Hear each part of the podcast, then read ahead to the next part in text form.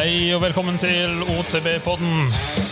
Norsk sykkelpodkast om sisykling med sjenerøse drysser, downhill, enduro og lavterskelhuck.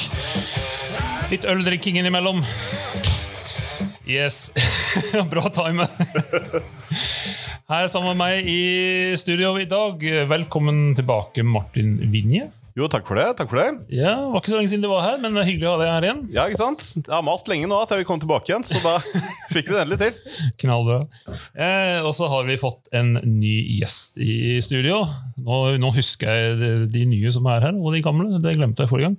Eh, han er en pioner innenfor eh, snowboard, stisykling, blogging. Eh, også spising av Er det sånn dumlemuffins eller et eller annet du spiser når du er på tur? Eller? Det er et mørkt kapittel i livet mitt, dumlemuffinsene, men eh, jeg får stå for det, for det ligger mye bevis der ute. Så ja, dumlemuffins er, eh, var et alter ego den periode. Nå er vi over på donuts. Velkommen, eh, Are, Are Tallaksrud. Tusen takk. Takk. Det er en ære å få lov til å være her. Ja, er, jeg blir alltid overrasket når jeg spør folk om eh, å være med på podkasten. Altså, de, de reagerer ofte litt sånn 'Skal jeg være med på podkasten?' Og jeg sitter og tenker sånn 'Selvsagt så skal du det', så velkommen. Veldig fint at du er her. Eh, I dag eh, har vi tenkt å snakke om eh, det som er Jeg tror vi kan si at det er verdens mest kjente freeride-konkurranse. Nemlig Red, Red Bull Rampage. Ja, det er vel det. Jeg tror vi faktisk at det også er verdens mest sette i hvert fall sykkelevent på internettet. Ja, Ved siden av Crankworks så vil jeg tro at de er høyt oppe. Det er eh, spektakulært og vilt, rett og slett. Mm. Og den, eh, den gode staben er 15. oktober. Eh, også i år så feirer de 20 år. Men det er ikke den 20. konkurranse. Nei, det er nummer 14. Ja, Hva er grunnen til det? Eh, nei, det var jo så enkelt at uh, fra 2001 til 2004 uh, Ja, Vi går litt inn på starten seinere, men eh, de holdt på fra 2001 til 2004, og så fant vi ut at dette driver og tar av, vi må faktisk finne ut av hva vi driver med. Og så tok de en pause til 2008. Mm. Og så var det et par år der hvor det var annethvert år. Og så ja, har det vel gått i ett fram til covid, hvor det var en pause igjen i fjor. Hvis jeg husker riktig, så var det en diskusjon kommersielt rundt 2004 at Red Bull turte ikke å stå for eh, risikoen og eventuelle store, stygge skader eh, når de da tok en pause. At det, var, det kommersielle kom i veien for freeride. da. Riktig. Det er jo ganske core markedsføring, er det ikke det? Dette er for tøft til at vi vil drive med det. Ta pause i fire år. Ja, for det er, det er, det er noen som eh, omtaler det som eh, det mest hardcore ekstremsportkonkurranse som fins, rett og slett. Det er sikkert mange som føler at de kan konkurrere med den tittelen, men eh, jeg tror ikke de tar helt feil. Ja, men Hele konseptet er så beintøft med bygging og det terrenget og eksponeringa og i det hele tatt eh, Alt skjer jo live, og det er eh, Ja, det er, det er drøyt, rett og slett. Men før vi går videre, kanskje fordi altså, Jeg tror de aller fleste vet hva Red Bull Rampage er og har sett det, men eh, bare veldig kjapt eh, altså, Det er en invitational only freeride-konkurranse i Er det fortsatt i Zion National Park i Virgin Utah? Det er jo flytta Ja, location. De har en del uh, locations, men alt sammen er i Zion-området. Uh, I hvert fall så vidt jeg veit, så langt. Uh, men eh, Red Bull har jo et stort område der hvor de kan eh, velge å vrake litt. Men jeg lurer på om det er Hvis jeg ikke tar feil, så er det femte eller sjette venuen de er på nå. Riktig. I samme, men, men eier de området, eller, eller noe av det? Hvem som er grunneiere der, er jeg faktisk ikke sikker på. Jeg har hørt at Red Bull har kjøpt disse fjellområdene og har full tilgang til å bruke dem. Eh, Men det kan sikkert etterprøves av folk som vet bedre. Mm. Riktig. Altså, hvordan eh, Martin, du kanskje kjente, hvordan, hvordan starter konkurransen, egentlig? Det, jeg har leit litt på nettet eh, og skal innrømme at det var ikke så lett å finne egentlig hvor, hvor det stammer fra, helt fra starten. Nei, og det var vel mye Hva skal man si? Freeride starta jo Ja, det var veldig i sin barndom i 2001. Eh, det var ikke noe freeride-konkurranser eller noe sånt. Det var downhill racing og sånt.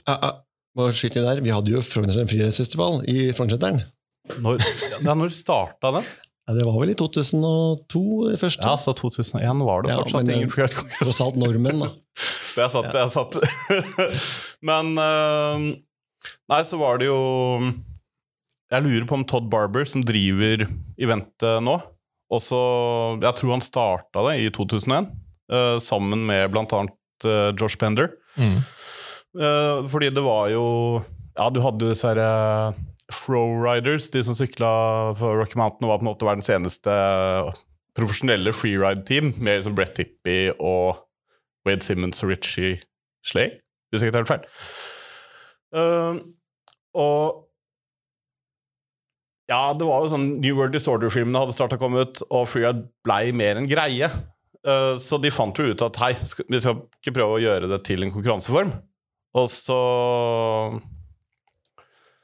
Jeg lurer på om det var Bender som bodde i Zion da, og hadde Han hadde vel akkurat liksom høkka dette her jaw drop på New Disorder og satt Utah litt på kartet, da. Så da, selvfølgelig, når man inviterte til freeride-konkurranse der, så var ikke folk så vonde å be. Nei. Altså, Josh Bender eh, Jeg hørte en podkast med han for ikke så veldig lenge siden, og så sa han 'I'm the essence of Rampage'. ja, han er en karakter. Det er ganske tøft å si at han fortsatt henger rundt i sirkuset, da, med tanke på at han eh, har holdt på så lenge. Ja, jeg tror, jeg tror han er der på alle konkurransene. Og, Ja, ja, han er jo dommer fortsatt. Ja, han er dommer, ja. Ja, Ja. så Nei, det var ganske stas å se, for at Igjen, jeg nevnte det i forrige episode, men sånn første turen min til Rampage for, den første dagen, første middagen, så satt jeg og spiste middag med Nico Bender. Mm. Uh, og jeg husker så godt når Bender da kom kjørende til restauranten, så hadde han da en ordentlig Harley med, med ape-hangers og full pakke, med da sykkelmount bakpå. ja, da kom kjørende inn, og det var sånn at det her må garantert være bedre der. Altså, jeg tror jeg hvis, hvis noen ikke har hørt en podkast, eller hørt Josh Bender prate, så må du finne en podkast med Josh Bender.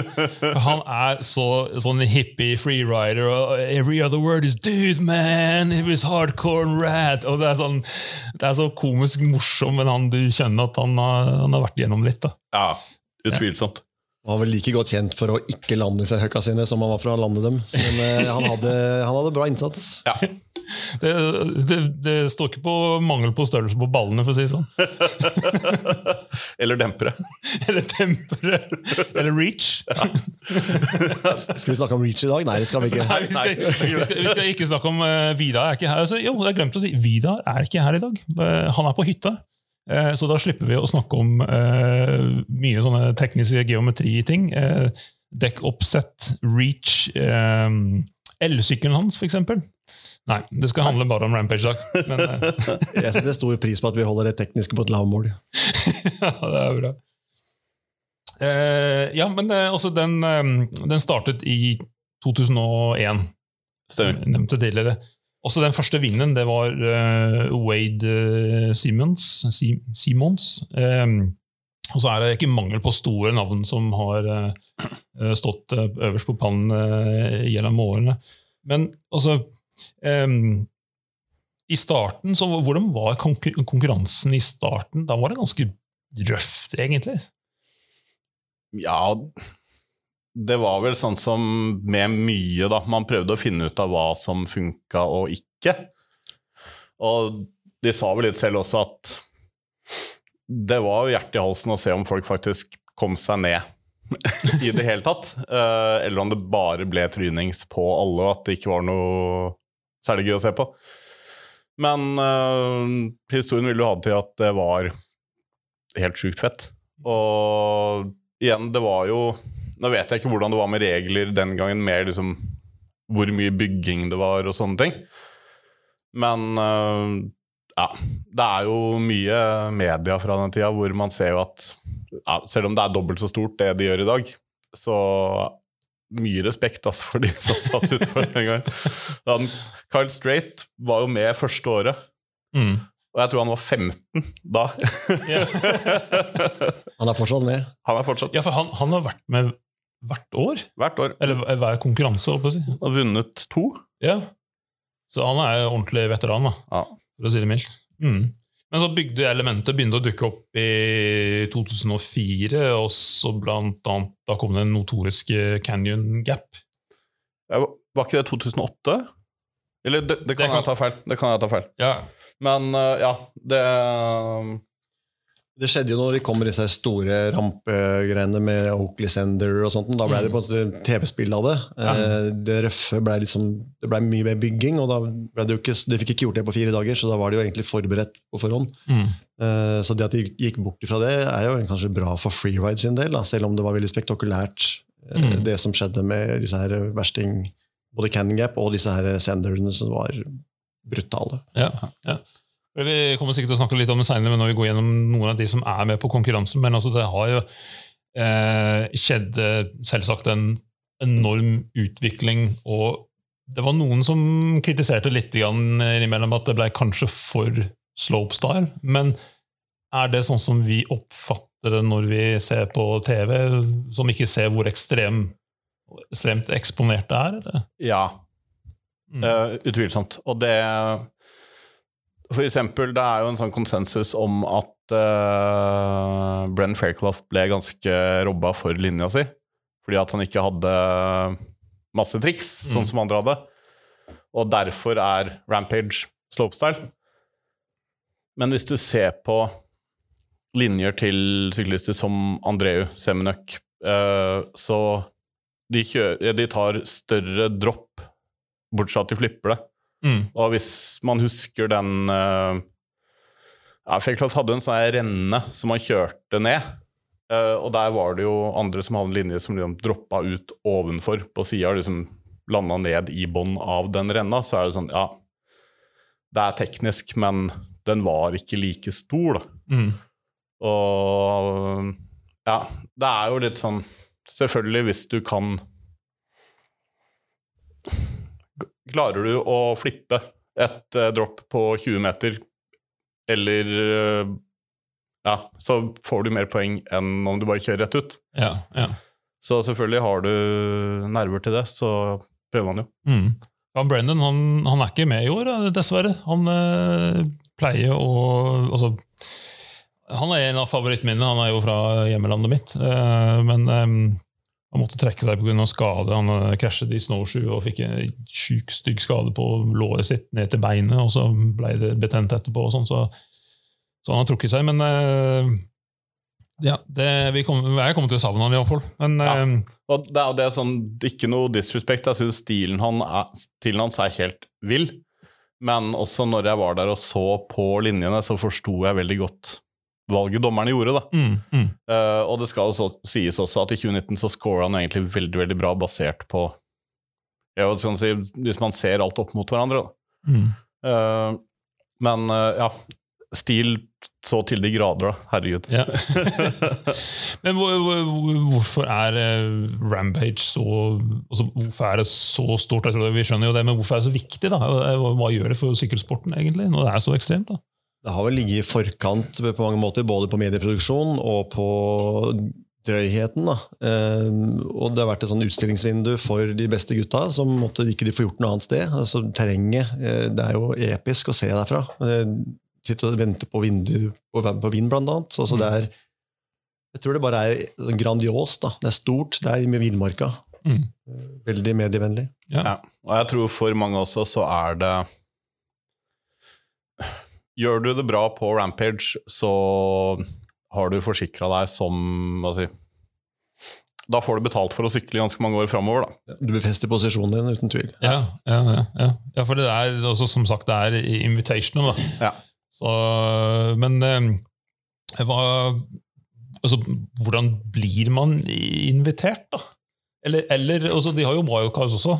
Ja.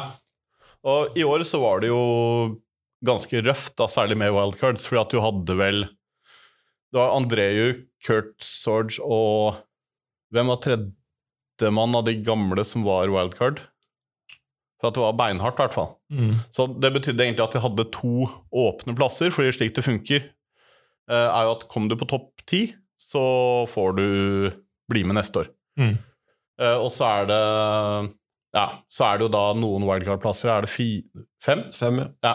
Ikke sant? Så nå var det tre stykk som var på en måte sånn Ja, André Ule Kandegi, Kurt Sorge og Camsink. Cam Sink. Ja, ikke sant? Så det er jo folk som er selvskrevne at de skal være med. Ja.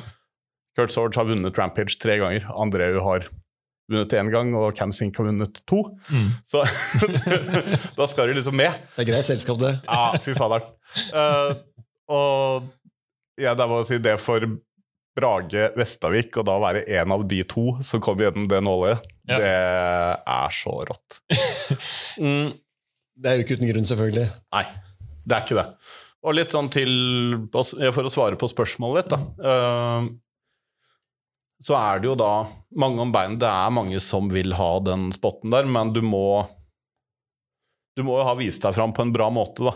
Eh, og selvfølgelig, Brage hadde jo den editen sin for X Games, men eh, jeg har hørt at det som satte spikeren i kista for de som tar den avgjørelsen, det er uh, hardline-rennet hans.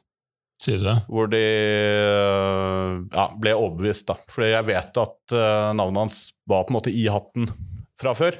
Ja. Eh, men det var en ting som pusha over, da. Ja. Jeg vet at du, du Martin, hadde snakket med Barrage etter Hardline, og du, kanskje du òg, for, kan ikke bare fortelle litt om altså for vi, vi som satt hjemme og så på det.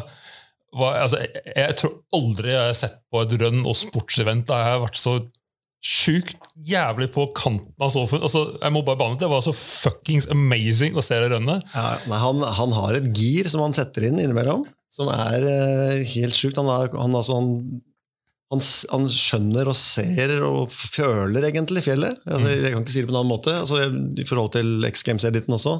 Ting han gjorde der, når man ser det live, da, eller ser stedene han har kjørt, som alle andre ikke klarer å visualisere at det er mulig, egentlig. Og så bare gjør han det. Han slammer, han går opp og gjør det om igjen.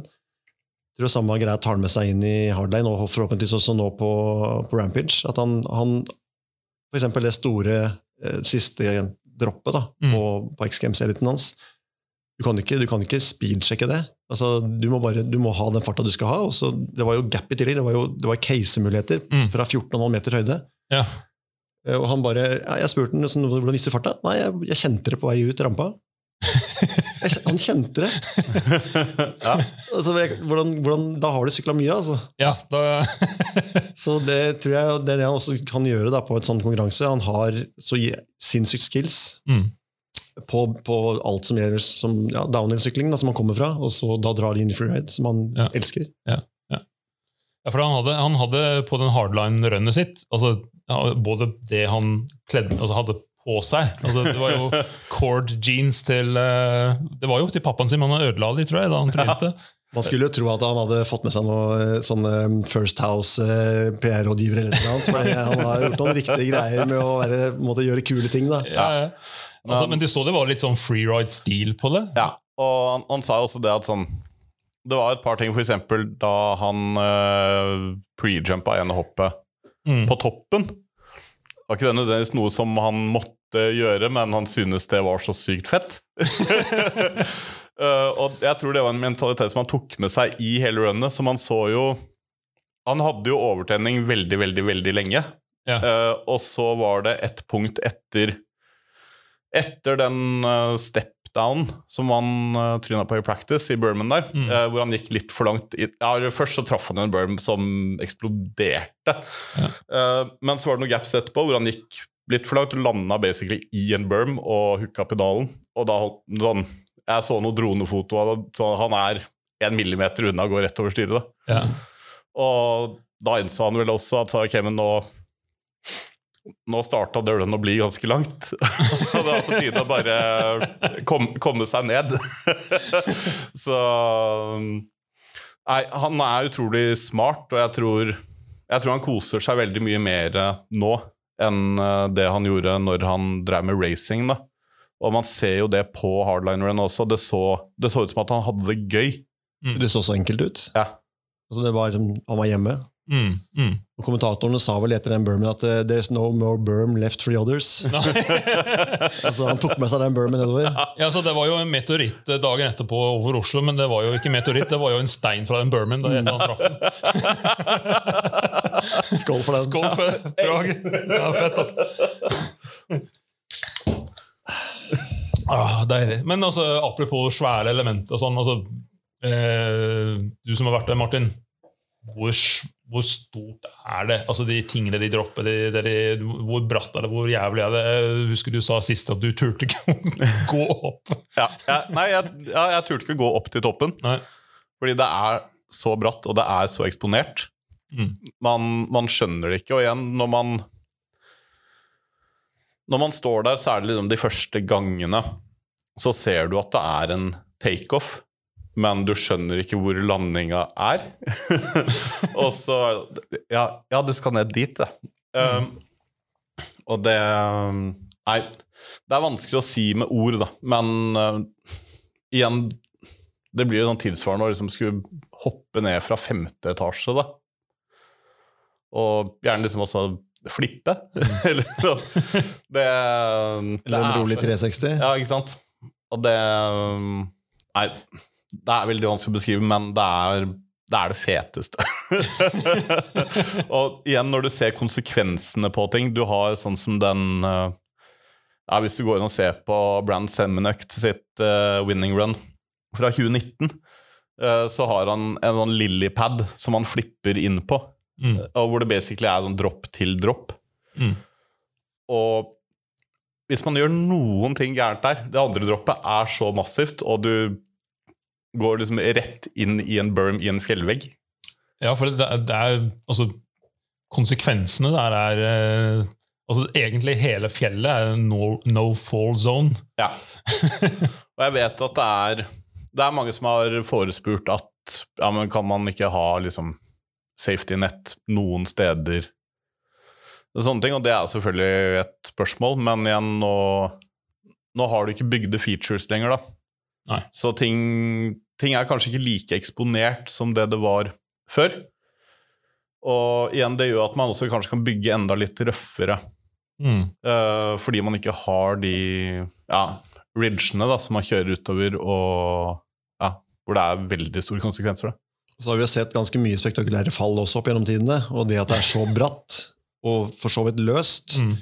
Eh, og mye sand Det er jo ikke, det er ikke, sånn, det er ikke norsk granitt. Er jo, det er ganske, de kan jo skulpturere nesten fjellsida både ved laget, min også når de går på snørra. Så er det som på ski eller snowboard, at du, hvis det er bratt, så er det jo lettere at man ikke skader seg, fordi man får fordelt trykket. Det er ikke bråstopp. Ja, ja. Eh, Men vi har sett var en ni meters til rett på beina, og de gutta er jo lagd av jeg vet ikke, Obtainium, et eller annet. Fordi det er, altså, Du skal ikke reise deg etter sånne ting, Nei. men de gutta her gjør det, og de fullfører neste rønn. på en måte. Ja. ja. De er som katter som eh, med flere enn ni liv, tror jeg. Ja. Ja, De, er, men, de ni liv er brukt opp, de er på krita. ja, ikke sant? men det sånn Når man sykler der, så kjenner man det også. Det er, det er veldig rart, det underlaget der, for at det er løst helt til du setter trykk på det. Og da pakker det seg. Så Mm. du kan sette svinger, og du får en sånn tillit. Så er det nesten sånn løsende-aktige greier. Du må, Ja. du må faktisk bruke underlaget. Ja. Ja. Det, hvis noen fulgte litt med på de sosiale mediene til Brage nå for noen uker siden, så så de kanskje at han var eh, på verket, altså utenfor Svelvik der, som det er sandtak, eh, og litt sånn freeride-linjer. Det er ikke noe veldig sånn eksponert og superbratt, men det er løst. Og han var der med faren sin i hvert fall et par, tre, fire ganger, istedenfor å dra i bikepark og sykle på onsdager og sånn. Og det, det var fordi han da, gjetter jeg på, da, eh, at han trengte å få trening på et sånt underlag. Mm. Eh, For det er jo ikke noe du, du kan ikke liksom bygge rampage på Mysen. Der er det vått. Og Han syklet ikke sakte der heller. Det, det går stort sett ganske unna. ja, men altså eh, Selve konkurranseopplegg. Altså det er fire dag- dager med bygging, og så får de lov til å ha med Er det to, to. stykker? Ja. Vet, vet du hvem Brage har tatt med? Ja, eh, altså Han fikk jo med seg en veldig god byggekompis eh, fra Norge. Henrik Ulland. Mm. Skidude, sykkeldude, all over, maniac og hyggelig fyr. Som akkurat brakk nakken. Eh, ble i form igjen til, til Rampage. Og skulle ikke tro Han hadde, ja, han fikk vel et eller annet lite brudd da i nakken, men eh, han gikk rundt med krage og si, kom tilbake igjen. Eh, han fikk lov til å bli med. Og så vet vi ikke navnet på den tredje, men det tror vi er en lokal Utah-dude som skal hjelpe til. Okay, ja. Og så har han med seg Aksel Rødningen da, i, eh, i Blur, som har, måtte, alle kan få med seg én filmer. Så han står der med svær, ja. ja, Mm. en svær eh, linse. og Jeg vet ikke helt rollen, men det blir jo da en support for, eh, for Brage, og sikkert også inn i Red Bull Media Pool, da, som er eh, produsenten av hele mediebiten. Men du har hjulpet Brage å bygge på den real eh, MTV, Eh, ja, liksom? jeg fikk lov til å være med noen, eh, noen dager nede i Mysen i fjor høst og i vinter. Eh, og det var jo en opplevelse. Altså det å kunne dra ned til Mysen og stå ute der i gjørma og regnvær og mørkt på kvelden og hogge i stein og sage med motorsag og bygge da. Eh, det, var, det var virkelig gøy. Det var ikke litt furten at han ikke spurte deg, da? Eh, å bli med ned dit. Jeg, jeg, tror, eh, jeg tror Henrik er bedre utstyrt for å bygge samme brag enn det jeg er. Jeg skal, jeg skal nevne at Are sitter på Er det to pute her på stolen din? Han, Jeg syns ikke det er verdt å nevne. egentlig. Jeg, bare, jeg, er, eh, jeg, si, jeg er bekvemt. Jeg, jeg, skal her et par timer, så da vil jeg gjerne ha det ålreit. Disse pinnestolene du fant fram her, det var ikke mye skryt av. jeg tror det er bra for ryggen din at du ikke dro ned. Ja, Det vil sannsynligvis ha vært en eh, utrolig opplevelse å ha vært der. Men ja.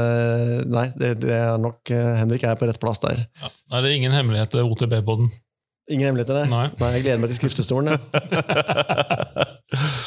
Ja. Uh, Kult. Men eh, altså, eh, de som altså, Det er en blanding av pre-qualified eh, eh, deltaker, og så er det de wildcard. Men eh, kanskje deg, Martin, hvis du, skulle, hvis du skal plukke ut et, et par, eller kanskje din favoritt, f.eks. Hva, hva er høydepunktene? For det, det er jo ganske lang liste her. Det. ja. Um, jeg vil jo si Selvfølgelig Brage. Jeg er så utrolig spent på å se hva han kan få til. Uh, men hvis vi skal ja, nevne litt de som ikke er Brage, da. Uh, så er han jeg er mest spent på, og som jeg faktisk tror kan gjøre det veldig, veldig veldig bra. Uh, jeg blir overraska hvis han ikke får pall, er Jackson Riddle. Mm. Rett og slett fordi Jeg husker særlig en episode på uh, Det var Lusfest 2019. Da var han i Europa for første gang og sykla ting som ikke var Utah. Han er jo en lokal Utah-kid. Uh, da var han 17. Nå er han vel 20. Uh, og han er ganske liten, så han må jobbe litt, særlig på sånne store hopp. Da de hoppa på Lusfest er jo fort Ja, nå var han 90 fot blir i meter, det 30 ca. Uh, og det Ja, det å se at de, Dere skulle sett ansiktsuttrykket til Ari han tok en god bit av donuten her nå. Det er ren glede. Nei, men Jackson Riddle har da kommet seg til Europa første gang, skal sykle på verdens største gaps. Eh, Og finner, finner ut idet han tar fram sykkelbagen, at nei, jeg la igjen bakakslingen min hjemme. Sånn uten at han engang åpna bagen, han bare husker det der og da. Oh, og så prøver man å få tak i bakaksling, og det, det varer og det varer. Og folk har jo starta sessionen, jeg tror det har pågått i fem dager eller noe sånt nå, når han endelig får fiksa sykkel og kan sykle, da. Ja. Og det er ikke noe warm-up-laps i Lilleparken. Ingenting. Det er bare rett opp. Rett på storlinja. De fleste tar liksom og gnager litt av gårde. Tar først det, det er noen step-downs, og så er det tre veldig store gaps etter hverandre. De, første, de fleste tar på en måte step-downsa og liksom prøver å kjøre inn på første hoppet, og så bare Ok, da er første tatt, og så prøver andre jobbe seg litt opp til det. Han tok stepdowns 1, 2 og 3. På 3 hadde han litt for lite fart, så han landet på toppen av casepaden etter å da hoppa 30 meter langt. Og det er litt sånn Jeg trodde seriøst at han skulle lande i baksida av veggen på det gapet og dø. Men uh, i stedet for å stresse, så tar du bare og komprimerer sykkelen på toppen av casepaden og bare setter tidenes største table ned i bunnen av landinga. Oh. Og bare får det som kunne vært et veldig sketsjy øyeblikk, til å bare se så utrolig stis ut. Er det litt sånn Terje Håkonsen-øyeblikk? ja, Ja. Rett og slett. Ja, for han, han beskrives som kreativ og fryktløs. Ja, og det samme med um, Jeg husker jeg sto og filma på Darkfest. Der var det et dropp som jeg tror det var sju meter ned og ti meter ut. Alle sammen der var egentlig en sånn full send, og tok det droppet ganske seriøst. da. Hvor du ser han kommer inn mot troppa driver liksom og scandy-flikker og rooster litt og nosebonker ut, og det er bare Han viser ikke elementene respekt. Hvis det går an å si. Det, det ser bare altfor leket ut. Da. Så han er en veldig, veldig stor favoritt. I uh, I hvert fall hos meg. Um, og så må jeg si jeg syns hvert eneste run Andreu Lecondi har på Rampage, er Det er så utrolig fett å se på. Han er laus. Han er laus, og det ser Det er alltid hjertet i halsen, da. Fordi det er, det er så tøft. Han, er- det, det lå en video ut uh, der Brage fulgte etter han. Uh, Ja, han er kong. ja, Ja. i, på Instagram i dag. Og det gikk ikke sakte der heller, for å si det sånn. Nei. Nei, og Du klarer jo ikke å se eksponeringa der på en video på en telefon heller. Altså, det, er, det er så bratt og eksponert. Og dette er jo en gammel venue, er det ikke? Hvilke, hvilke år var det? Uh, jeg er ikke helt sikker. Jeg lurer på om det er 2016-2017-venuen du bruker nå. Og så er det det som er morsomt, da, hvis, du, hvis du ser en video, bare søk på Instagram og finn den, og på Brage sin side, eh, så hør på, må ha på lyden. Da hører du et par sånne lyder fra Brage, der du tenker sånn Han var litt stresset forrige gang. Det sånn, det sånn, nå har jeg sett mye med Braga, så du, du kjenner igjen de små lyder han lager. Nå jeg tror han eh, er sånn oh, ja.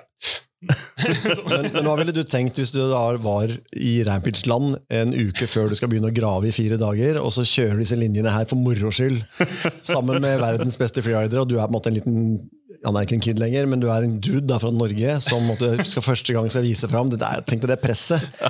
Det er, han elsker jo å sykle, og du ser jo at han måtte ta jo linjene kjempebra. og Men dette, og dette er bare en Instagram-video, det er ikke noe produksjon, det er ikke noe, det er ikke noe edit. sånn sett, det er bare De var ute og sykler, og så smeller de ut noen greier som bare sånn ok, dette ser bra ut. Nei, altså det, det er så rått. Ja. Helt enig. Men hva med deg, eh, Are? Har du noe Nei, jeg har jo Jeg tenker jo at Brage, han eh, skal jo vise seg fram. Eh, Jeg tror han kommer til å prøve å lage en veldig altså, type Brage-linje. Litt sånn at han skal sette sitt stempel på det. Sånn litt røff freeride, eh, litt sånn Jordy-aktige greier. Um, og det tror jeg, kan, kan, jeg tror han kan vinne med det, for det blir ikke slopestyle nok for de dommerne og hva skal jeg si, det spektakulære. da. Men samtidig så kommer han til å få betalt for en linje som han setter bra. Men han, han, min, i min bok så trenger han egentlig bare å få topp ti, så han kan bli med neste år. Mm. Uh, og hvis han går for et pallplass, så er det så sannsynligheten for at det går gærent, så mye høyere. Men når man gjør det, eller om han Det sant, Jeg vet ikke, det er første gangen hans. Han trodde ikke han ville komme så tidlig til Rampage som han har gjort nå. Nei. Det er tidlig i karrieren, og jeg tror han kommer til å bare nyte hele opplevelsen. Når, når du ser på alderen på mange av de som er med Ja. altså Det er mange som er over 30. det er det. Og det er veldig tydelig at det er en konkurranse der og har vært med flere ganger og har litt Ja, mer erfaring. Erfaring og rutine, og kjenne fjellet, og kjenne konseptet, kjenne liksom, og etter hvert lære seg også hva dommerne faktisk gir deg poeng for. Da. Det gjelder egentlig alle konkurranser. Det er ikke alltid den beste som vinner, ifølge publikum, men det vil alltid være noen kriterier som bestemmer hvorfor du vinner.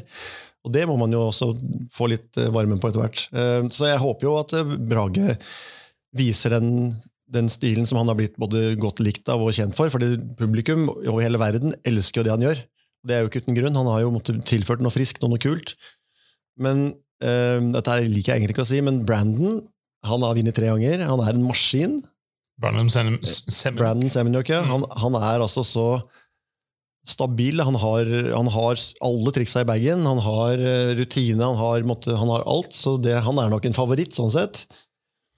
Eh, så det er, det er helt åpent. Altså det, vi vet jo ikke helt ennå heller hva de kommer til å få lagd. Så når det nærmer seg konkurransedag, så vil jeg jo tro at um, vi kunne ha sett um, litt mer si, signal på hva som passer for de forskjellige kjørerne. Um, men er, alle navnene her er spennende.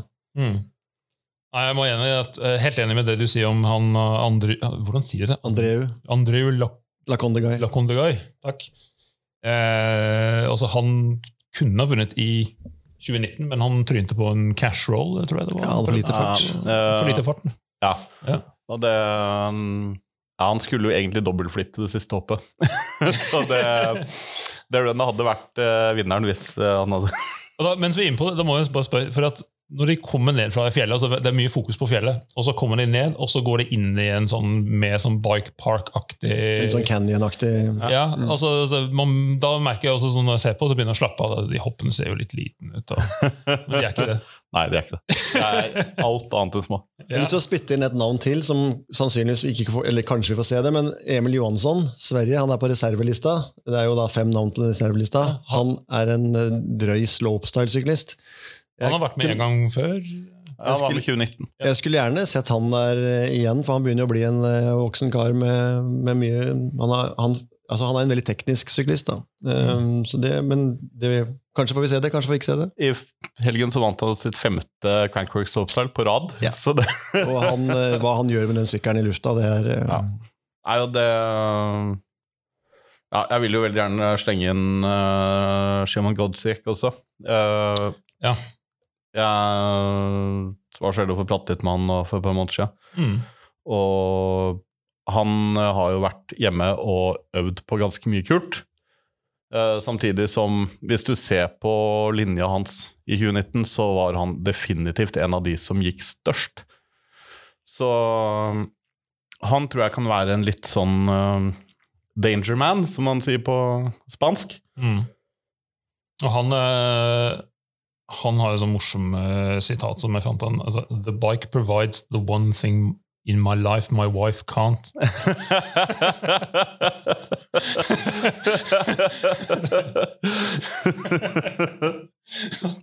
det er herlig. Det er herlig. Men, men eh, Martin, fortell litt om eh, Tyler. Han har jo vært med også er det fire ganger nå. Ja, og apropos gå stort, da. Fordi jeg tror han hadde det definitivt største droppet sist. Uh, og nå har jeg ikke fått det bekrefta, men uh, det kan ryktes at uh, Tyler McCall og Brage kommer til å samarbeide om en linje. Jeg håper i hvert fall veldig, veldig på det. Så vi får jo vi får jo se. Det her er bare ryktebørs, så ikke De henger jo sammen nå. Ja. Um, Så ja, det er lov å håpe, fordi uh, McCall han er jo broren til Cam som er kommentator der, og som har holdt på i gamet kjempelenge. Og Tyler har jo det beste plasseringen hans i Rampage er ved femteplass, som han fikk i 2012-2019. Men uh, allikevel, noen av de linjene hans og kreativiteten der, det Han også kan være litt sånn som er ganske farlig hvis han klarer å få det runnet han vil ha, da. Mm. Jeg har lyst til å dra frem eh, Carson Storch. Ja. Eh, sykler for Rocky Mountain Bicycles. Altså, han kommer fra BMX og snowboard, og så, og så sier han 'I'm comfortable spinning from snowboarding'. Altså, jeg tenker I Rampage-sammenheng så kan det love bra. Eh, men han, han, han er stort innenfor freeride-sirkuset med konkurranse og greier. Det spørs om det blir redemption for han. for Han krasjet i 2015 og måtte trekke seg fra konkurranse pga. Ankel, altså ankelskade. Eh, men uh, han tror jeg kan Han han er kanskje litt sånn wildcard, tror jeg. Ja. Mm. Ja, ut, utvilsomt en ekstremt dyktig syklist. Er, ja, han har så mange altså, tilfredsstillende edits å se på, fordi det er bare så mye stil, det. Mm. Hvis du skulle trekke frem en eh, utenom Brage en, en wildcard Nei, som sagt, det Eller Vinni T, eh, Vincent Tupin, han har Åh, lord, så gøy det er å se den mannen sykle. Uh, og han er kanskje ikke så veldig Han er ikke et så veldig stort navn i Rampage-sammenheng, selv om han har vært der et par ganger nå. Men han kalles uh, blant venner for uh, Vinny Stees. Ja. Og det er med god grunn. Og det er liksom, venner, da er det liksom de beste syklistene i verden, da. ah. Hva med deg? Med meg? Eh, Utenom Carson. Du har Carson. nevnt én, vi har nevnt uh, flere. Ja, altså jeg hadde Ja. Han er som sagt skuffet over at Brendan ikke er med. Eh, Jeg tror ikke han Jeg tror ikke han har nok triks i, i bagasjen til å, til å vinne, eh, sånn som vi snakka om før. Men eh, det jeg liker mest med han, er han. Ja. Eh, Jeg digger å følge ham på YouTube og Instagram og hele den gjengen han henger med. Eh, Jeg syns, han, han er så kul. Men utenom det, altså Ja, nei, hva skal jeg si? Da må det bli han eh, Nei, jeg, jeg blir spent på å se hva Cam Zink eh, dukker opp med. Altså, han er jo veteran. Han, eh, han har jo sagt at det er the only event I care about. Ja. Eh, tviler på at han klarer å vinne, men ja. Nei, men det Sånn Camsink har jo altså sagt, Har man vunnet Rampage to ganger, så har man jo mye av det som skal til. Og ja, igjen, apropos gå stort, jeg føler jeg sier det om alle på lista her nå, da, men det, Han hadde jo Om det var verdens høyeste 360-dropp når han tok den uh, ene Oakley-senderen, og så var det verdens høyeste backflip. mm. Det er greit, det. Ja, det er ganske innafor. Da kan man pensjonere seg og være fornøyd. Da. ja. Eller pushe videre. Vi kan jo kalle det for go big or go cyclocross. Ja, ikke sant? Det akkurat ja. Og apropos det, hva skal du på søndag? Jeg skal sykle cyclocross-ritt på Bjerke travbane. Det er ekte rampage, altså. Bare poengtere, gjøre det istedenfor avskjedshelg i Havfjell. Ja. Det, det har i hvert fall én rundt det bordet her meninger om. Jeg hadde ikke tenkt over det, men da du sa det da du kom i dag, så jeg merka jeg at sjela mi ble litt en smule knust. Altså. Det var ikke bare din. Du får deg en tur i hørtelokkeren, i hvert fall, om ikke annet. Så det, det har vært mer gøy å være i Hafjell enn å sykle rundt på vått gress, men eh, Ja, vi får se om det blir, blir vått gress i Hafjell også. Men eh, du snakker om at altså, altså, alle her go big og go home. Altså, det, er sånn, det er jo ingen lettvektere her i det hele tatt, selv om man snakker om wild cards og litt sånn. Men eh, det er sikkert enklest å referere til Brage, som begge dere to kjenner. Eh, men mentaliteten for å være med dette her altså, Når jeg sitter og ser på jeg, altså, Når jeg ser på World Cup og ser de skal kjøre ned eh, løype, som var jo tre og et halvt minutt, og de har hatt en uke og trackwalk, hele pakke, alle kjører samme, så syns jeg det Jeg sitter og får hjertebank av det, men jeg merker når jeg ser på Red Bull Rampage de sitter på toppen, det begynner å blåse, og de må vente litt, og så er det sånn five, four, three, two, one, dropping. Jeg, jeg klarer nesten ikke å se på sjøl. Altså, hvordan takler man det som, som rytter? Ja, det er vel en av de tingene som Ja, i hvert fall noen av rytterne ja, At Rampage er litt sånn hva si TV-produksjonen styrer mye, da. Den gjør det. Mm. Eh, og det, det setter jo selvfølgelig sitt preg på det, og det er jo selvfølgelig noe man må tenke på når man bygger linja si også. At den må faktisk også tåle litt grann vær. Uh, så Jeg tror mye har jo med å forberede seg godt, men så er det jo også det at Ta sånn som det du sa det med Brage da han skulle ta det siste droppet sitt, at han bare visste farta det å ha den tilliten på seg sjæl, og stole på prosessen, da, for å si det sånn, det, det sitter nok ganske naturlig for mange av disse her. Og jeg, jeg har jo sett ja, for eksempel Det var Vinity og jeg, jeg lurer på noe Carson Storch som delte ja, bånd av linje eh, i 2019. Og jeg tror Vinity hadde en ti run-ins eller noe sånt noe på den siste hippen, da, for at den var så gigantisk. Uh, men igjen, da er det jo Ja, du kjører ned, føler farta, og så må du dytte opp igjen da, hvis du ikke føler det. Og Mm. så Ja, det er en prosess som mange av disse her har jobba med før, da. Ja.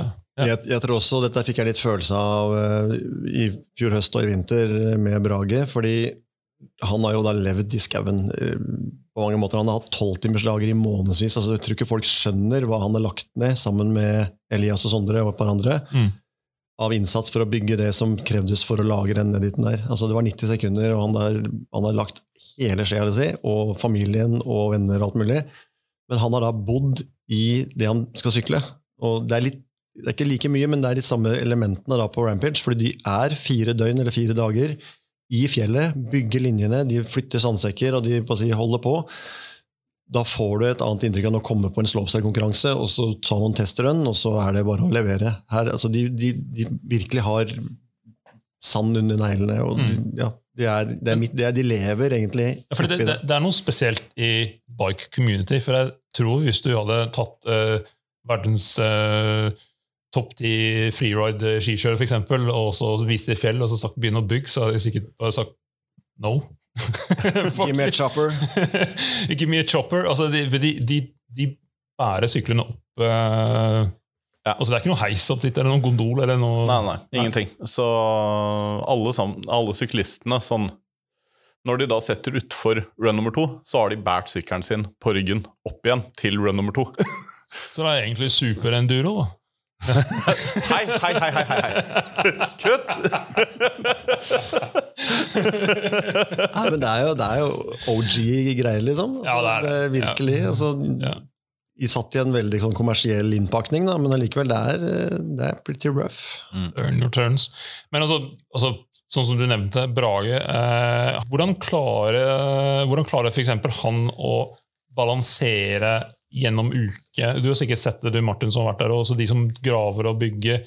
Hvordan klarer han som skal sykle, å eh, disponere energien sin? tenker jeg? Og så tenker sånn, ok, nå vet du hva gutta, jeg har gravd nok, nå må dere holde på. eller... Det er jo litt Hva skal man si De jobber, de jobber like mye som byggerne sine, i hvert fall de par første dagene. Mm. Uh, men så, ha, så, har de jo den hviledagen sin, da. Men i starten så er det 100% enten om du er syklist eller bygger. da. Det, For å bli ferdig? Ja.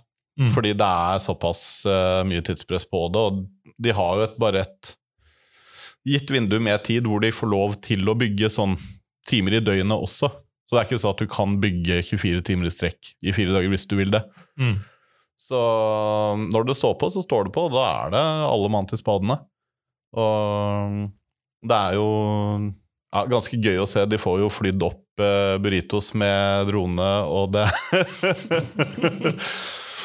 Men eh, det er også utrolig kult å se hvordan de liksom henger i fjellsida der med klatreseler og hugger løs på stein, og det Ja, det er hardt, da.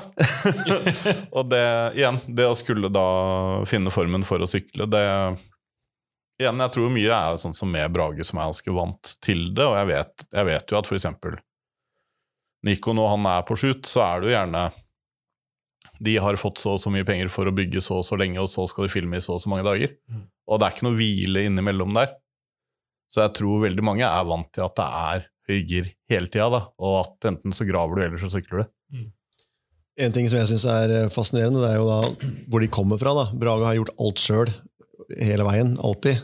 Eh, mens mange av disse amerikanske store stjernene kan jo la være å nevne en som heter B, et eller annet. Som har da Cruise, som, som får en kjempesum med penger til å bygge disse editene. da. Mm. Eller bygge ja, parkene. Og så kommer de inn og så kjører de på det, og så blir det jo helt fantastisk, for de kan sykle, men de har ikke da slitt seg ut i månedsvis for å få det bygd.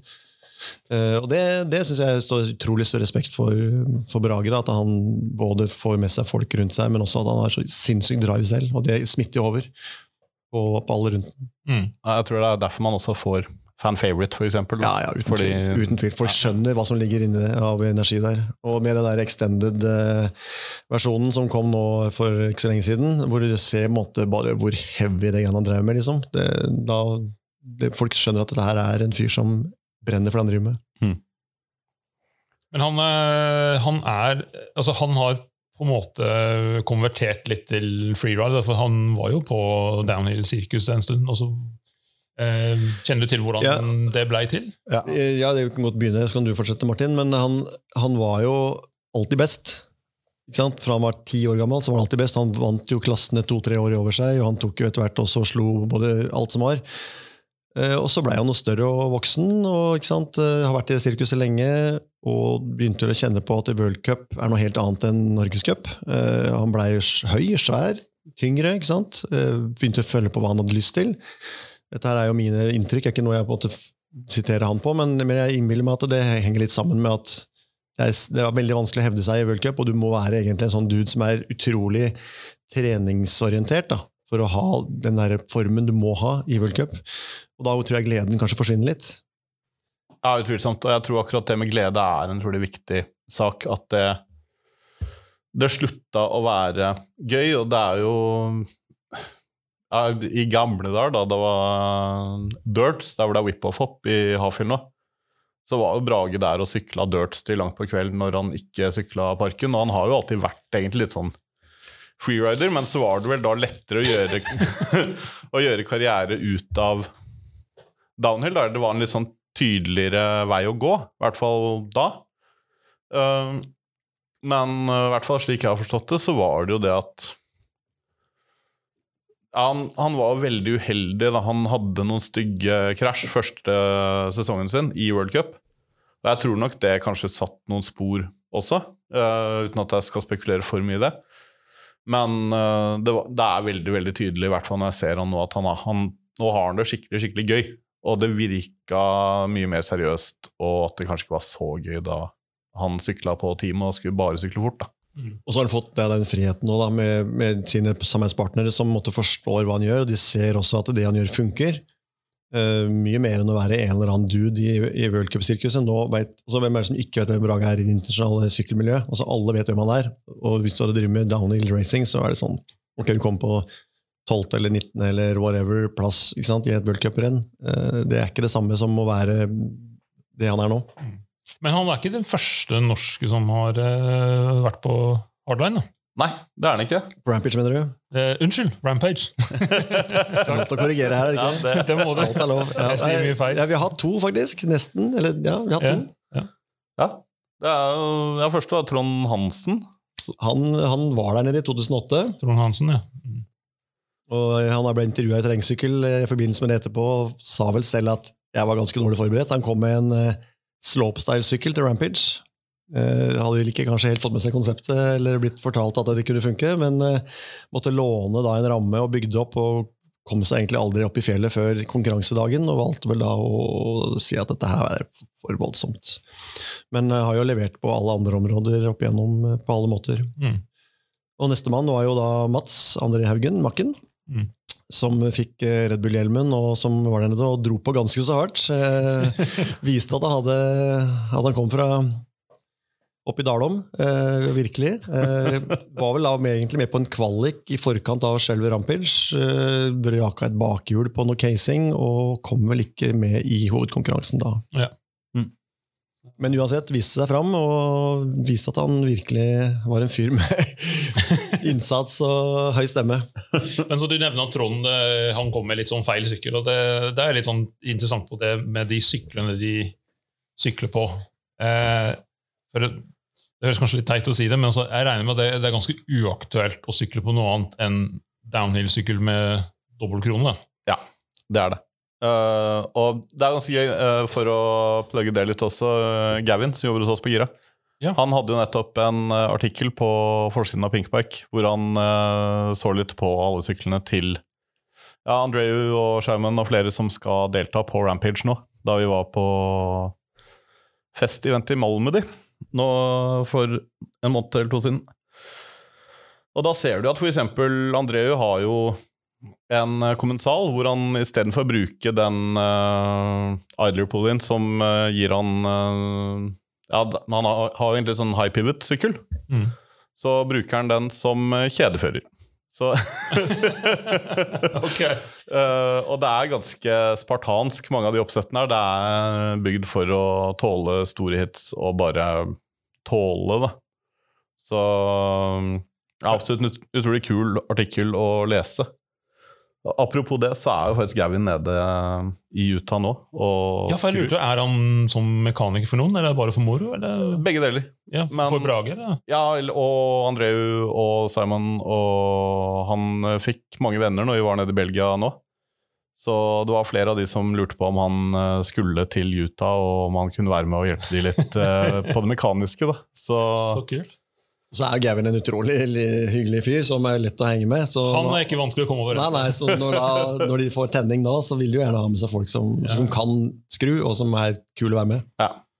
Så det, det er ganske gøy. Og derfor så er det litt lengre ventetid på dempeservice hos Gira akkurat nå, men eh, det skal vi faktisk tåle, fordi det er skikkelig fett. Men det har vært eh, til, til, tilfeller av også singelkronesykler i, i Rampage. For det er, jo tendenser til slopestyle, helt klart. Altså, det er ikke noe tvil om at når de gutta kjører noen av de triksa de gjør, så er det greit å kunne snurre ting rundt styret og sånn, men, eh, men primært så er det jo grove, s- heavy utforsykler. Mm. Satt opp med kanskje single speed og ikke sant? De tråkker jo ikke det der. Ja, for jeg fikk med at uh, han Ethan Nell uh, kjører med 40-45 PSI foran og bak med slange, f.eks. Ja. Uh, og um, Cam Zink for eksempel, han har 26 tommers eh, bak eh, 27,5 foran. En sånn slags mini-mullet med 150 mm cranks. Altså, det er ganske mye heftig kast. Hvordan var reachen der, sa du? Er det, en sånn halvmeteren, eller? Det fikk jeg ikke med meg.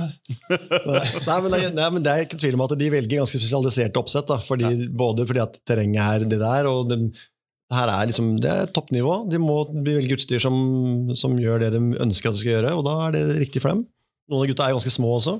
Mm. Ja, men allikevel, du ser jo Ikke at han deltar her nå, men uh, Remy Morton, som også kjører freeride, han uh, kjører jo på 135 mm kranker.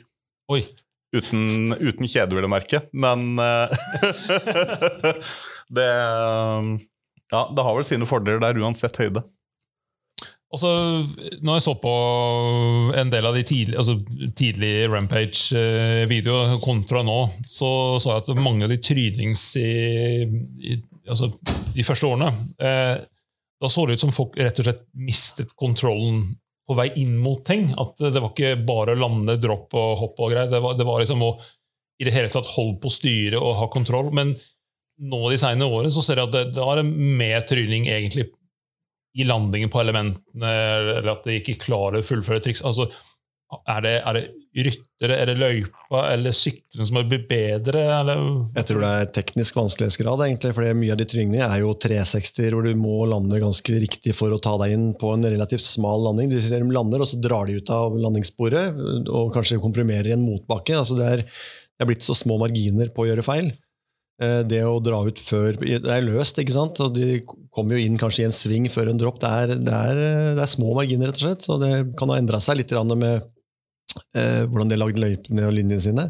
Det er jo forskjellig fra venue til venue også.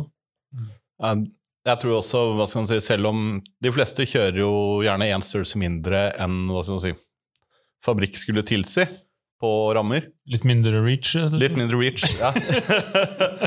Men uh, samtidig så har jo alt blitt lengre og slakere og mer fartsstabilt, da. Bare Sånn du vet Når du hører den lyden, så er det Are som uh, spiser donut. Ferdig. Siste, siste bit. Mm. Um, nei, så ting, ting blir jo mer stabilt å sykle på. og Man husker jo det, selv hvis man har sykla en stund, at det var jo mer vinglete før. Men jeg tror det er en blanding av at man har blitt litt bedre til å bygge. Og man bygger litt mer fornuftig. Før så var det mye sånn naturlig bare høkke ut og lande i det grøve, og det var ja, litt mer røft. Vinglete, er det et litt sånn gammelt uttrykk for lekent? Nei. Det Kan det bli det? Det kan ikke bli mer vinglete enn lekent. Nei, det er sant. Det er norske svaret på lus, egentlig. Nei. Det var en liten digresjon. um. Nå mista jeg tråden helt, jeg. Unnskyld. Sånn han Josh, Be Josh Bende han var vinglete i gamle dager. Nei, men se på sykkelen der, da. Sånn Man gjør deg selv en tjeneste, du som hører på. Bare søk på Carpiel Armageddon. Det var en sånn supermonster på 30 cm eller noe sånt nå. Ja, Det, det skal vi finne og legge i shownotes. ja gjør det. Det er, det er drøye greier, det han sa og loffa et sete og ja. Det var, det var da de hadde oppdaget vandring, men før de oppdaget reach. Ja, Eller stemmer. rebound. stemmer. Eller rebound. Men jeg, jeg må bare spørre eh, Hvorfor er det ingen jenteklasse? Eh, det fins masse jenter som Veronique Sandler, Michelle Parker, Casey Brown eh, osv. Eller er det noe sånn tilsvarende for jentene? Ja, det er jo Red Bull Formation. Uh, og der har de Det var jo faktisk helt vanvittig moro å følge med på for de som gjorde det. Så hvis du ikke har sett på det, så bare søk på Red Bull Formation. Eh, det var jo også Nå husker jeg ikke hvem som hadde det Dark Horse-eventet. Uh, og så var det nylig Hannah Bergman som arrangerte Hangtime. Som også var uh, progression sessions, da, kaller de det. Så det er jo ikke kompetativt format på samme måte, men uh, Red Bull Formation er jo freeride i Utah. Hvor det er damer som deltar, da. Og ja, de flippa jo sto i fælt, de jentene der. Ja, og sånn, mm. Nivået der er helt rått. Men igjen så er det jo litt sånn ja, skulle man hatt egen jenteklasse Det kommer nok etter hvert, mm. uh, men uh, Er det lov til å bruke ordet testosteron her, eller? Fordi Det er ikke noe tvil om at disse gutta som er med her, er, eh, de har litt mer av den stoffet i kroppen enn normale folk. Det fins disse damene som sier da, som, som drar på bra, men, men det, er, det, er, kjønnsforskjeller her i det vi driver med, faktisk. Ja, uten at man skal gå for mye inn på det, sånn, hvor mye er det som er sosionormt? da? Fordi Se på ski, se på slopestyle. sånn, ja, hvor mange år ligger jentene etter. Sånn, mm.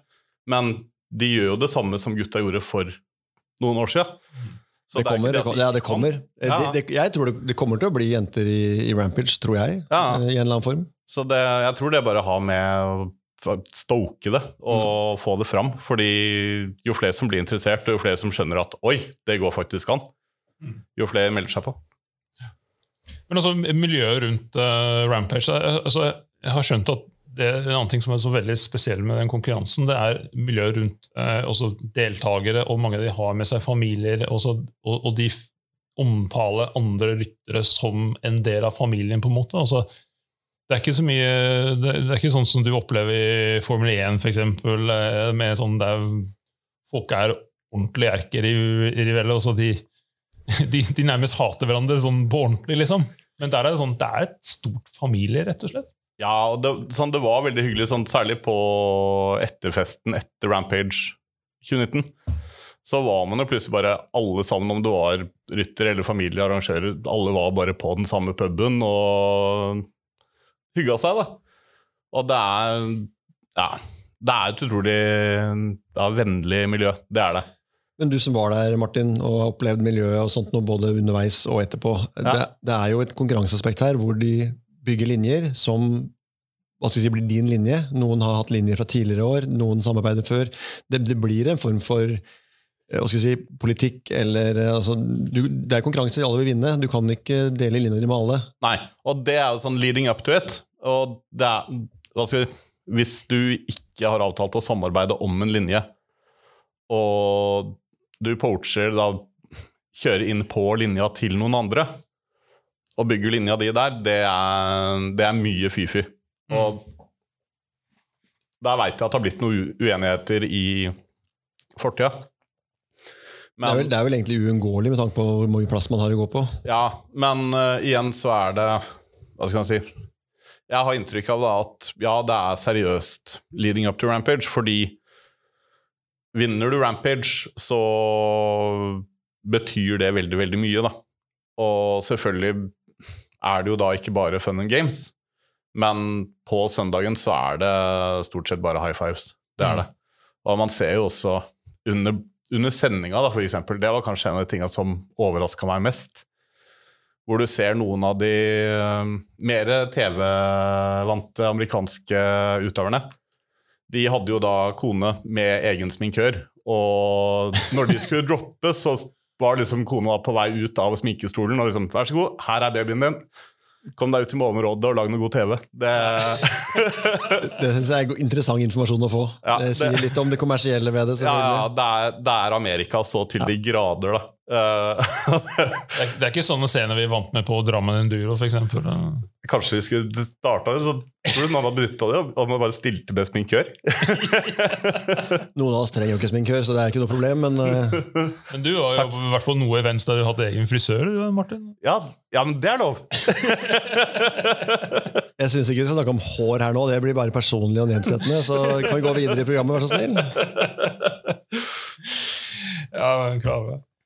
Men uh, Rønne til men nå, nå, må vi bare diskutere litt mer.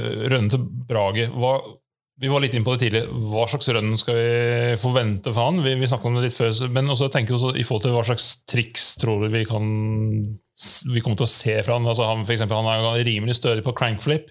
Ut fra den videoen han la, ned fra behind, han la ut fra behind the scenes. Han er ikke så stødig på tailwhip, og det la seg ikke gjøre med, med en. Men altså, Nei, altså han, han, er jo en freerider, og freeride generelt er jo ikke noe triks. egentlig. Det dreier seg om å kjøre en linje og lage en linje som måtte, du digger sjøl, og som du måtte, skal få til å se bra ut. da. Så, og Brage er jo ikke kjent for å, for å, flippe heller, ikke sant? så han har jo da litt mindre i bagen enn noen av de største navnene. og Det var derfor jeg sa det tidligere, at jeg tror han kommer til å lage en linje som er kreativ, og som måtte gjenspeiler hans måte å sykle på. Da, for Han trenger ikke å prøve å bli noen andre enn han er, for han er seg sjøl massevis. Um, hvis han da får en linje som han kan bygge, da, eventuelt sammen med, med Tyler, uh, som, som, gir litt rom for kreativitet da. Um, og Det må ikke være kjempestort, det må bare være teknisk og satt i en fet sammenheng. Og Der har jo han masse erfaring, han har med seg bra folk. og jeg har trua på at det kan bli utrolig kult å se på. Ja, og igjen, hvis du ser på f.eks. Hardline, da ser du på runnet til Brent Fairclough kontra Brage sitt. Og så kan du da tenke ok, det så ganske vilt ut når Fairclough kjørte uh, Rampage. Hva kan vi da forvente av Brage? Fordi at Man må nesten sammenligne de to litt, siden Brage ikke mm. har den enorme bagen med triks. Men igjen så er det jo liksom en del som håper at han får lurt inn en eller annen liten skid og kan ta verdens første 40 fots halfcab, eller noe sånt. ja, det skal landes òg, det. Ja, det skal det. det, er, det er one eller two take, da, eventuelt, hvis ja. du klarer å gå opp til nummer to. 40 fots halfcab, eh, ja, da er det free coaster. Ja. Jeg gleder meg til. Jeg kommer nok, han kommer nok til å savne tømmerstokkene fra Mysenskauen ja. der, tenker jeg. Ja, kanskje han har tatt med tommelstokk i bagasjen og så legge den rett rett foran uh, utgangen til 40 fots gap. Det fins mye fint oppblåsbart nå. Ja, det er ikke sant.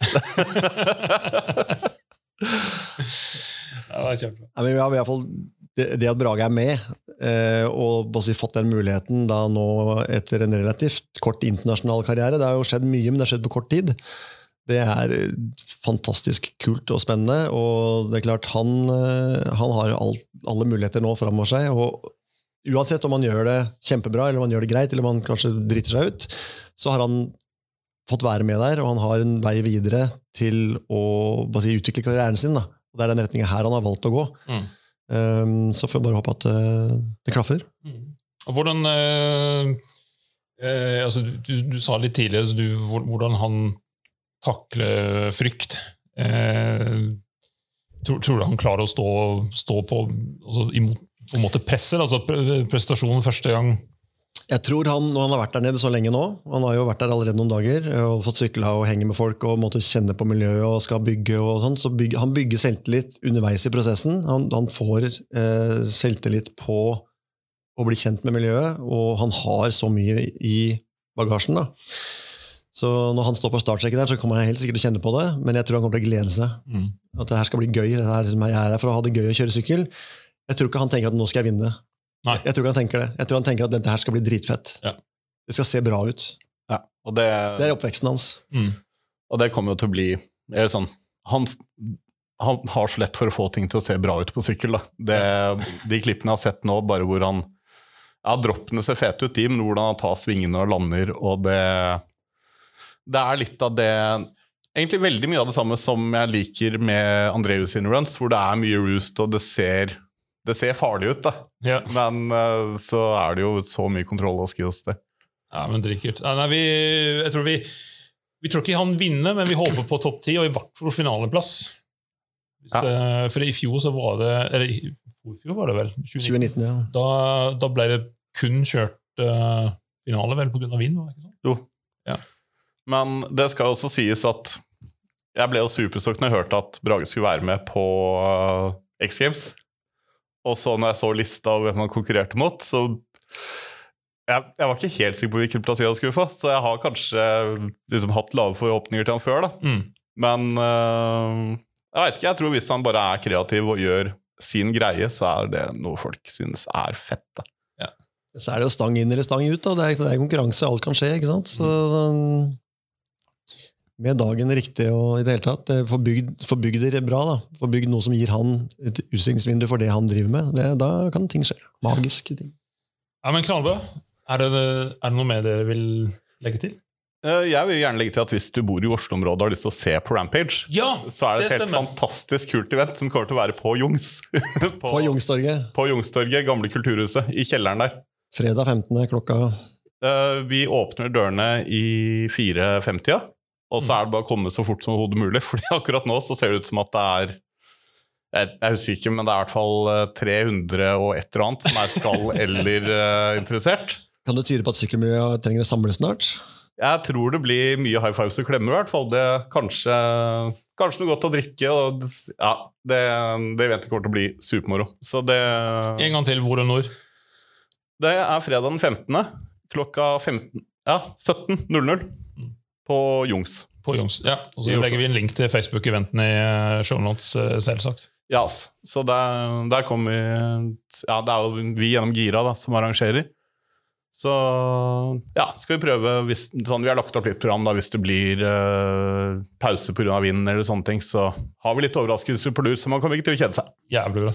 Kan hende at det er litt øl å drikke der. Antageligvis. Antageligvis. Dritbra. Men eh, det er jo eh, ingen eh, første tur innom OTB-podden eh, uten å måtte ta en tur innom skriftestolen.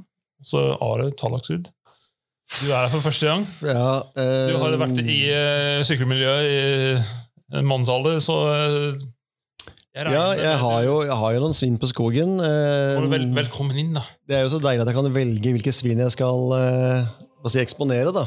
Eh, så det er bedre at jeg kan velge det enn at andre kan velge det, kanskje. Men det som Jeg er jo en stisyklist. Eh, jeg, kan jo si at jeg har vært en freerider også opp gjennom åra, med gamle dager i Frognerseteren og alt mulig rart. Du, du begynte ganske tidlig med stisykling. Ikke i alder, men i forhold til norske miljø, kanskje. Ja, ja, ja, Nei, jeg, jeg begynte ikke tidlig sånn i min egen alder, men jeg, men jeg var eh, aktiv i miljøet fra ca. 2000-tallet. eh, Og ramla rundt, eh, holdt på. Skada meg mye i starten, lærte litt av det. Så nå har jeg mange mange, mange år med fallteknikk. Men uansett, min, min bekjennelse i dag det er at jeg, jeg eier en rulle. Du eier en rulle. Jeg eier en rulle, som er kjent for trening, faktisk. Og min sykkeltype er jo ikke basert på trening, det er basert på mestring og lek og, og naturopplevelser. Så rulle er jo egentlig det motsatte av alt det som jeg velger å stå for. Men jeg fikk tak i en rulle for noen år siden. Eh, En utrolig dum rulle. Den funker ikke engang. Den er ikke kobla til strøm engang. Men den har motstand, så man kan gire på den der Oi, jeg eier også en gravelbike. Det, da ble det to bekjennelser i ett. Altså, så, så den rullen du har, du kan ikke koble den til Swift og drømme deg bort i en eller annen sånn Nei, virtuelle verden en Nei, altså Det er mulig at den har fungert en gang, men eh, når jeg fikk tak i den, så var det bare å sette den på sykkelen og så begynne å tråkke og så kjenne på motstanden. Jeg har, jeg har en vatt... Nei, jeg har en sånn, hva er det for noe? Sånn på, bakhjulet som måler et eller annet. Riktig. Så det, den bruker jeg veldig sjelden. eh, fordi det er, et- jeg liker det ikke. Eh, jeg klarer ikke å finne energi og glede til å sette meg på den saken der. Men Det jeg har er gjort, ingen som liker rulle. Nei, så hvorfor driver man med det? Nei, det er en sånn drøm om at uh, man skal, ved å sitte på en sånn gørr, kjedelig greie og slite seg ut i garasjen, at du skal plutselig bli uh, uh, Få formen til Petter Sagen. Ja. Jeg gikk jo da fra stisykkel til elsykkel. Det blir bekjennelse nummer tre. Så, så det, det skjedde jo da for nå er det halvannet år siden. Så hadde jeg kun el, el, fulldempa elsykkel i halvannet år nesten. Eh, og merka jo da at det var jo fantastisk gøy, både bortover og oppover. og i det hele tatt. Du og Vidar, altså. Ja. Eh, Men nå er jeg tilbake på, også på en stisykkel Jeg har kjent liksom på gleden ved lettere, mer håndterbar sykkel. må jeg innrømme. Og også sykla litt utfor i år på utforsykkel. Burde vært med i noen konkurranser, for det ser at i masterklassen der er det jo begredelig nivå. Unnskyld alle som var med. Eh, men anyways, eh, den rulla den skal jeg også bekjenne at den har jeg tenkt å bruke igjen. Jeg må faktisk få litt mer krutt i beina. Og det er, en, eh, det, er en, det er en enklere måte å få det til på enn å være ute hele vinteren på vintersykling. Men, eh, men jeg, jeg, er flau, jeg er flau og skammer meg dypt over at jeg måtte gå til det skrittet der. Så jeg vet ikke hva slags straff jeg får, men den er helt sikkert fortjent. Nei, altså, Det er Vidar som pleier å dele ut straff, men nå, nå har vi Martin her. Ja. Jeg føler at du er liksom mannen til å dele ut straff, egentlig. Jeg tenker jo at En passende straff må være en som eh, hva skal man si, retter opp i feilene som er begått. Eh, Så jeg tenker at passende, en passende straff vil være om du ja, neste Ja, ut sesongen eh, ikke skru på motoren en eneste gang når du er ute med elsykkelen. Og så for å kjenne litt på din gamle freerider igjen, så skal du få låne et 720-styre med 40 Rice som du kan sette på. 720 var faktisk min favorittbredde i mange år, eh, men eh, det gikk over. Så da kommer du tilbake dit. Og så, og så blir sykkelen like tung som den var da. Jeg synes det var, det, var en, det var en stygg straff å få med seg inn i høst- og vintersesongen, hvor jeg skal ut og leke meg på snø med lykter og masse vatt i kranken og litt i beina. Men, eh, ja. Ja, men da jeg, kan ikke love deg at det blir etterfulgt, altså, for det var, det var drøyt. Da slipper du å bruke rulle, vet du. Ja, Men å sykle 24 kilo sykkel på våte høststier og snø til vinteren, det er, det er stygt. Vi får se. Dere får calle ut på Instagram om dere ser noen motor som er på. Knallbra. Tusen takk for at eh, dere var med i dag. Selv takk. Alltid veldig gøy å være her. Da trykker jeg på feil musikknapp. Der kom riktig der. Veldig kult at du eh, ble med i dag, eh, Martin. Are, tusen hjertelig takk for at du kom. Det var en glede. Ja, og så ønsker vi Brage masse, masse lykke til. Og vi ønsker også de andre deltakere litt lykke til. Ja, ja. The Brog. The Brog. Han kommer til å levere beinhardt. He's gonna destroy the course, bro. Jeg vil bare få sitere Trygve Aasheim fra Frogner Filmfestival i 2003, som da utroper på film Core! Core! Core!